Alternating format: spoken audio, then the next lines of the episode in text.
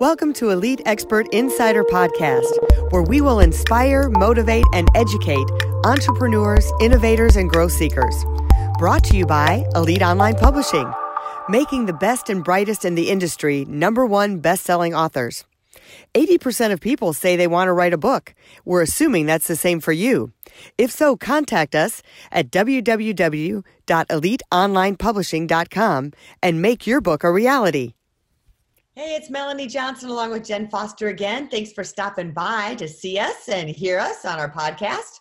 Um, remember to subscribe to this podcast and leave us a review. We would love to hear from you because we're always trying to motivate you, to inspire you, to educate you, and make you more successful. So we bring things to you every week to do that and we hope that we're successful with that so today you know jen and i all str- struggle with we've all gone through different things um, whether it's divorce whether it may be a death maybe you've lost your job maybe you've had an accident or you're fighting a health thing. And it's like how do you get beyond those challenges? How do you leave all that stuff behind so you can really get to your life's potential and reach the success that you are meant to be. So today we have a special guest, Cody uh, Byrns, and he is an expert at this. He's had his own life experiences, and he's going to teach us today how to leave all that behind, leave all the emotional baggage behind, and get to where you want to be. Don't live in defeat, but live in success. And he's going to give us the tools to do that today. Thanks for coming by, uh, Cody. Oh, thank you so much for having me. Glad to be here. Great. Well, first of all, Cody, tell us a little bit about yourself, um, your background, and how you got to be the successful best-selling author. well, I started, uh, let's see, my goodness. Well, I'm originally from Indiana. I now live in Tampa, Florida. Uh, but growing up in Indiana, I was a very creative young man, as my mom would put it. Um, I fell in love with uh, juggling, entertaining at a very young age. And I was very involved in church and so eventually, after graduating high school, I got my pastoral credentials and became a children's pastor. And at the same time, I got to travel the country and do a lot of uh, events, whether it be speaking to children. I also got to do some circus events with my juggling. Uh, life was just going great, and so you know my my journey um, coming to that point was was amazing. And then my life drastically changed in 2013 while I was stopped at a red light on the highway. And so wow. I didn't know if you want me to break into that. Yeah. That's a whole nother story. Well, yeah. give us the quick version of that so um, people kind of know. I mean, I know that you were burned over 40% of your body from that accident. Yeah, I was. Well, it, it, here's I was stopped at a red light on the highway, and I was rear-ended by a refrigerator box truck that was not going to stop. It was going 60, 65 miles per hour. On impact of the truck hitting my vehicle, it blew up into flames.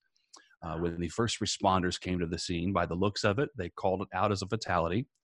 And they'd already called the coroner and everything. But somehow they saw my hand move and they changed their plans. They redirected me to a hospital in Evansville, Indiana, which is the southern part of the state. And then they re- uh, redirected me to Indianapolis, Indiana, where I was in the burn unit. I was in a full coma on life support for three weeks. Wow. I had severe burns, 40% of my body severely burned. Um, I had uh, third and fourth degree burns, which I never heard of a fourth degree burn. Basically, burnt down to bone and muscle. I had broken vertebrae. Everything that could have went wrong in the burn unit, it went wrong. My family definitely had a roller coaster ride. But after three weeks, I came to, and I spent a total of two and a half months in the burn unit, and another six weeks going to an in-stay rehabilitation center, constantly being monitored by nurses and doctors. I had to relearn to walk, use my hands, use the restroom, all the basics. I had many, many surgeries. Uh, so my recovery from uh, May of 2013 really lasted me a full three years uh, yeah. just to get, get back to where I can somewhat live life independently again. Mm-hmm. Wow. And I'm sure that those three years were so challenging. I can't even imagine not just the hospital stays, but then all the rehabilitation and and then dealing with all of the scars, right? Absolutely. And not just the physical scars, but those emotional scars. And mm. so that that was, in my opinion, the most difficult to recover from. Yeah. So how did you recover? What and what did you looking back now um that you've learned to to keep using forward in your life that you used back then to get from that um, those mental scars yeah well you know i was i was 23 at the time and so i was you know life was going great Christian, trying to live life right. So obviously, my faith was tested during this time. But I will say I was very blessed. I came from a good, strong community. My family, I had that support that was there to encourage me. But I definitely had my moments. I have encountered depression. You know, it was it was very difficult. But through it all, I had to remind myself that I cannot change what had happened to me. The only thing I can change is what I do today and moving forward. And so I had a team of people, my family, church family, everyone was supporting me. And I think also seeing that it was encouraging people that, okay, Cody's still alive. There's something to this. And my family, what they would say on social media, and it was encouraging people. And so whenever I seen that it was, it was helping others, I was like, oh my gosh, it's helping me. And so it just encouraged me all the more because I knew that ultimately, you know, as a young boy, I knew I wanted to give hope to people. I, I my vision was to travel the world and give hope to, to thousands. Now it's turned into millions. But, you know, through it all, it, it, that, that really stuck with me. And so I was like, you know what? Now's the time where I have to start practicing what I preach. And so, you know, life is always good. You can, you can talk it all, all day long, but when you actually encounter trauma and, and, and tragedy, it's a whole nother yeah. story. I love that you said it's you stop living in the what if really is what it mm. was. It's like I can't change what happened. So I think people get stuck in the well, what if I would have just done this or what if it would have done this or they hadn't have done this and then they get stuck in there and they can't move on and they're they're stuck in that defeat. So I really like that. And then you saw the bigger purpose of, you know, my life is meaning beyond myself. Um that's been like my big epiphany the last couple days is beyond us you know everything is really beyond us. It's not just about us right? There's this bigger picture of all the other people that you affected during that. Um, what do you tell people when they're going through something and they're wanting to move beyond this? And you've got some of this in your book. What do you tell them that they should be doing? Yeah i mean i kind of sum, sum it up into four steps. And obviously these steps can be long and more detailed in between. But i think it begins with embracing your current reality. And once again understanding that you cannot change what happened but you can change your today. And it's difficult. I mean if you look at the 12 step process you know the first step of, of overcoming a problem is admitting that you have a problem. Right. and so it's kind of like in this situation i have to okay this is my reality. What can i do moving forward? So then i have to take control of my reality. Taking control involves getting that support system, taking those uh, steps that you need to overcome, to rise above, and then just trusting the process and being persistent and knowing that you know my recovery it didn't it didn't come overnight. And i had to i had to relax take deep breaths and know and ultimately encourage myself and know that okay i'm going to get there. There is light at the end of this tunnel.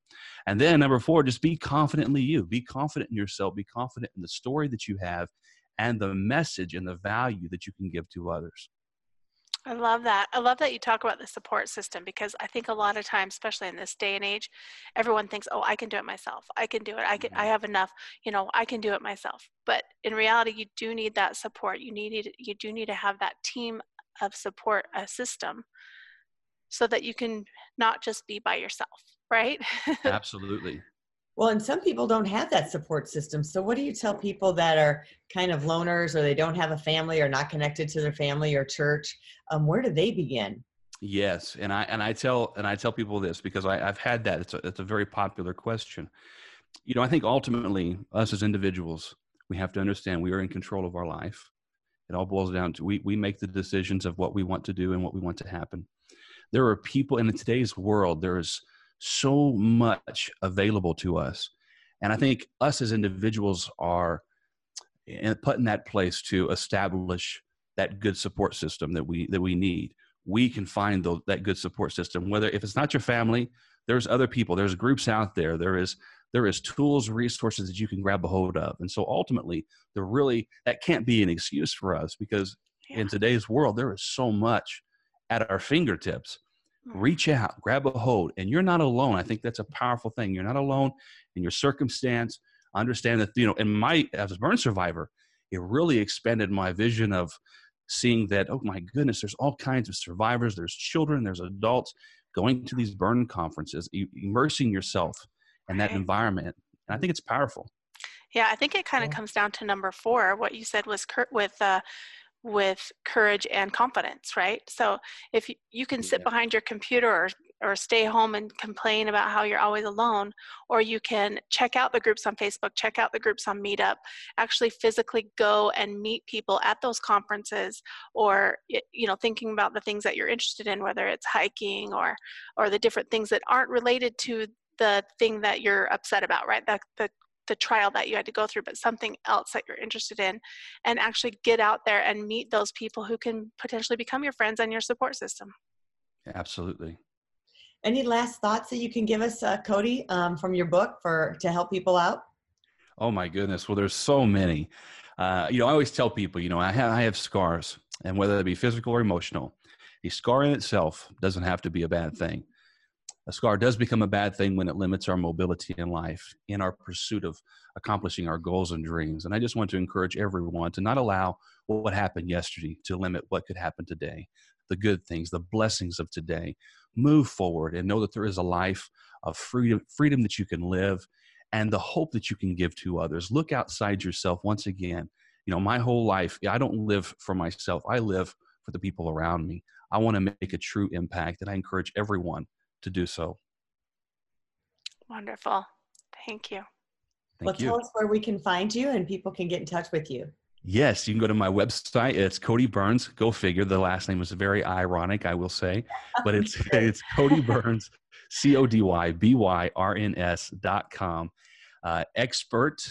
Uh, let's see. I yeah, elite expert insider. That, that's so it's codybyrns.com slash elite expert insider. I wanted to get that right. Perfect. So do you have a bonus there for people and it's something special for it? There is information where they can get connected with me. Uh, and then also there is a link where they can get my book. Um, it's on Amazon, uh, whether it be ebook or printed. Perfect. Perfect. Well, we'll put that link up at the bottom of the YouTube video. And those who are listening, you just go to codybyrns.com, B Y R N S. This is his last yes. name.